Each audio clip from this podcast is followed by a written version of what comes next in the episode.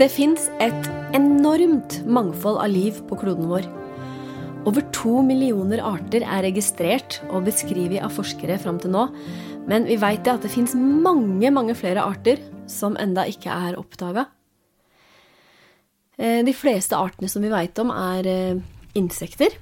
Og tenk det, da, at levende organismer kan være så forskjellige. Fra den minste bladlus eller insekt til svære blåhvaler på 200 tonn. Eh, bare se for deg juletreet som du har i stua hver jul. Der er det i snitt 10 000 småkryp. Så du slipper iallfall å føle deg aleine på julaften. Velkommen til Naturfaghjørnet.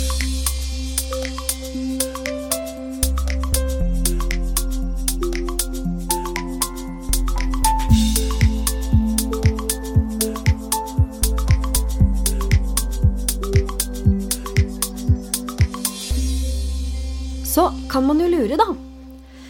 Har det alltid vært liv på jorda? Hvor kommer vi egentlig fra, og hvor kommer dyra og plantene fra?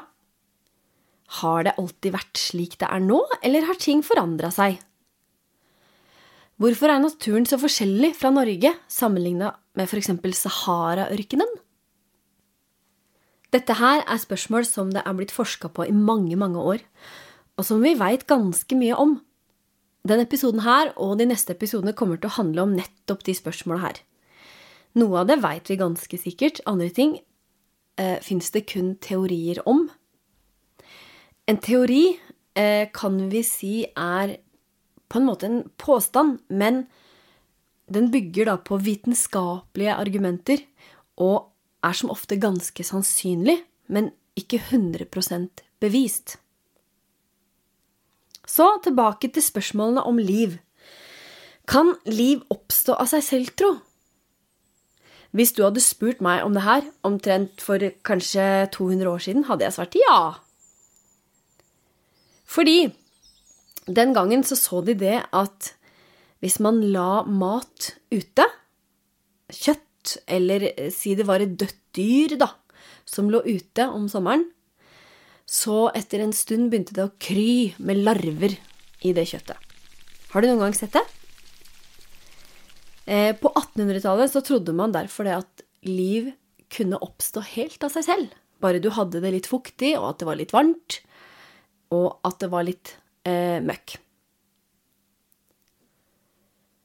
Men så var det en forsker som het Louis Pasteur, som gjorde et eksperiment der han motbeviste den teorien her. Fordi han gjorde en del eksperimenter med kjøtt og forskjellige typer væsker.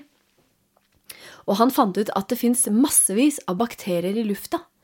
Og når de kommer på døde planter og dyr, så råtner de, og så kommer det insekter der og legger egg. Og når de eggene blir klekt ut, så blir det altså larver der. Så han oppdaga at hvis han la f.eks. kjøtt på et sted hvor ikke insektene kom til, så blei det heller ingen larver der. Og på den måten så motbeviste han den teorien. På denne tida så trodde man nå at alt levende hadde et helt spesielt stoff i seg. En spesiell kraft, en, en livskraft, som bare levende ting kunne ha.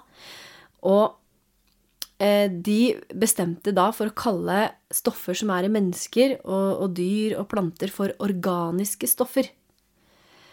Men så var det en dag i 1828 så var det en tysk kjemiker som klarte å få fram et organisk stoff i laboratoriet sitt.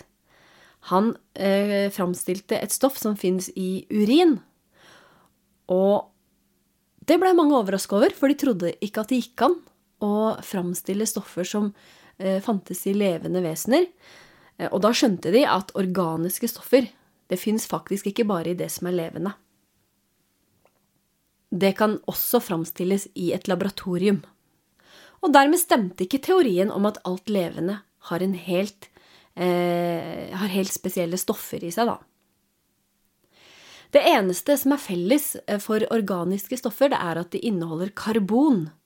Så når du hører begrepet organiske stoffer, så betyr det rett og slett at det inneholder karbon.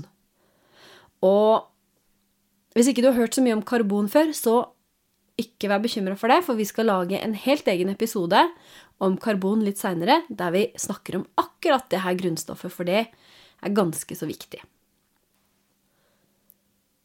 Men hva er det da som skiller det som er levende, fra det som ikke er levende? Som nevnt så er det altså karbon i det som lever, men det er karbon i mye annet også. Er det kanskje det at alt levende kan bevege seg? Nja, for det gjør jo også vann og vind og maskiner. Så det stemmer jo heller ikke helt. Nei, det er nemlig to veldig viktige kjennetegn som bare levende vesener har. Det ene, det er evnen til å formere seg, altså evnen til å få barn. Og det andre, det er DNA. DNA er et eh, stoff som fins i alt levende. Eh, det er et molekyl som ser ut som en stige, som er vridd i en spiral. Og vi kan egentlig si at den DNA-spiralen, det er egentlig Det er som en oppskriftsbok som inneholder oppskriften på hvordan vi er bygd opp. Den er veldig viktig for liv på jorda. Så vi skal lære mer om den også i en annen episode, så følg med. Vær nysgjerrig, og vær interessert i kloden vår.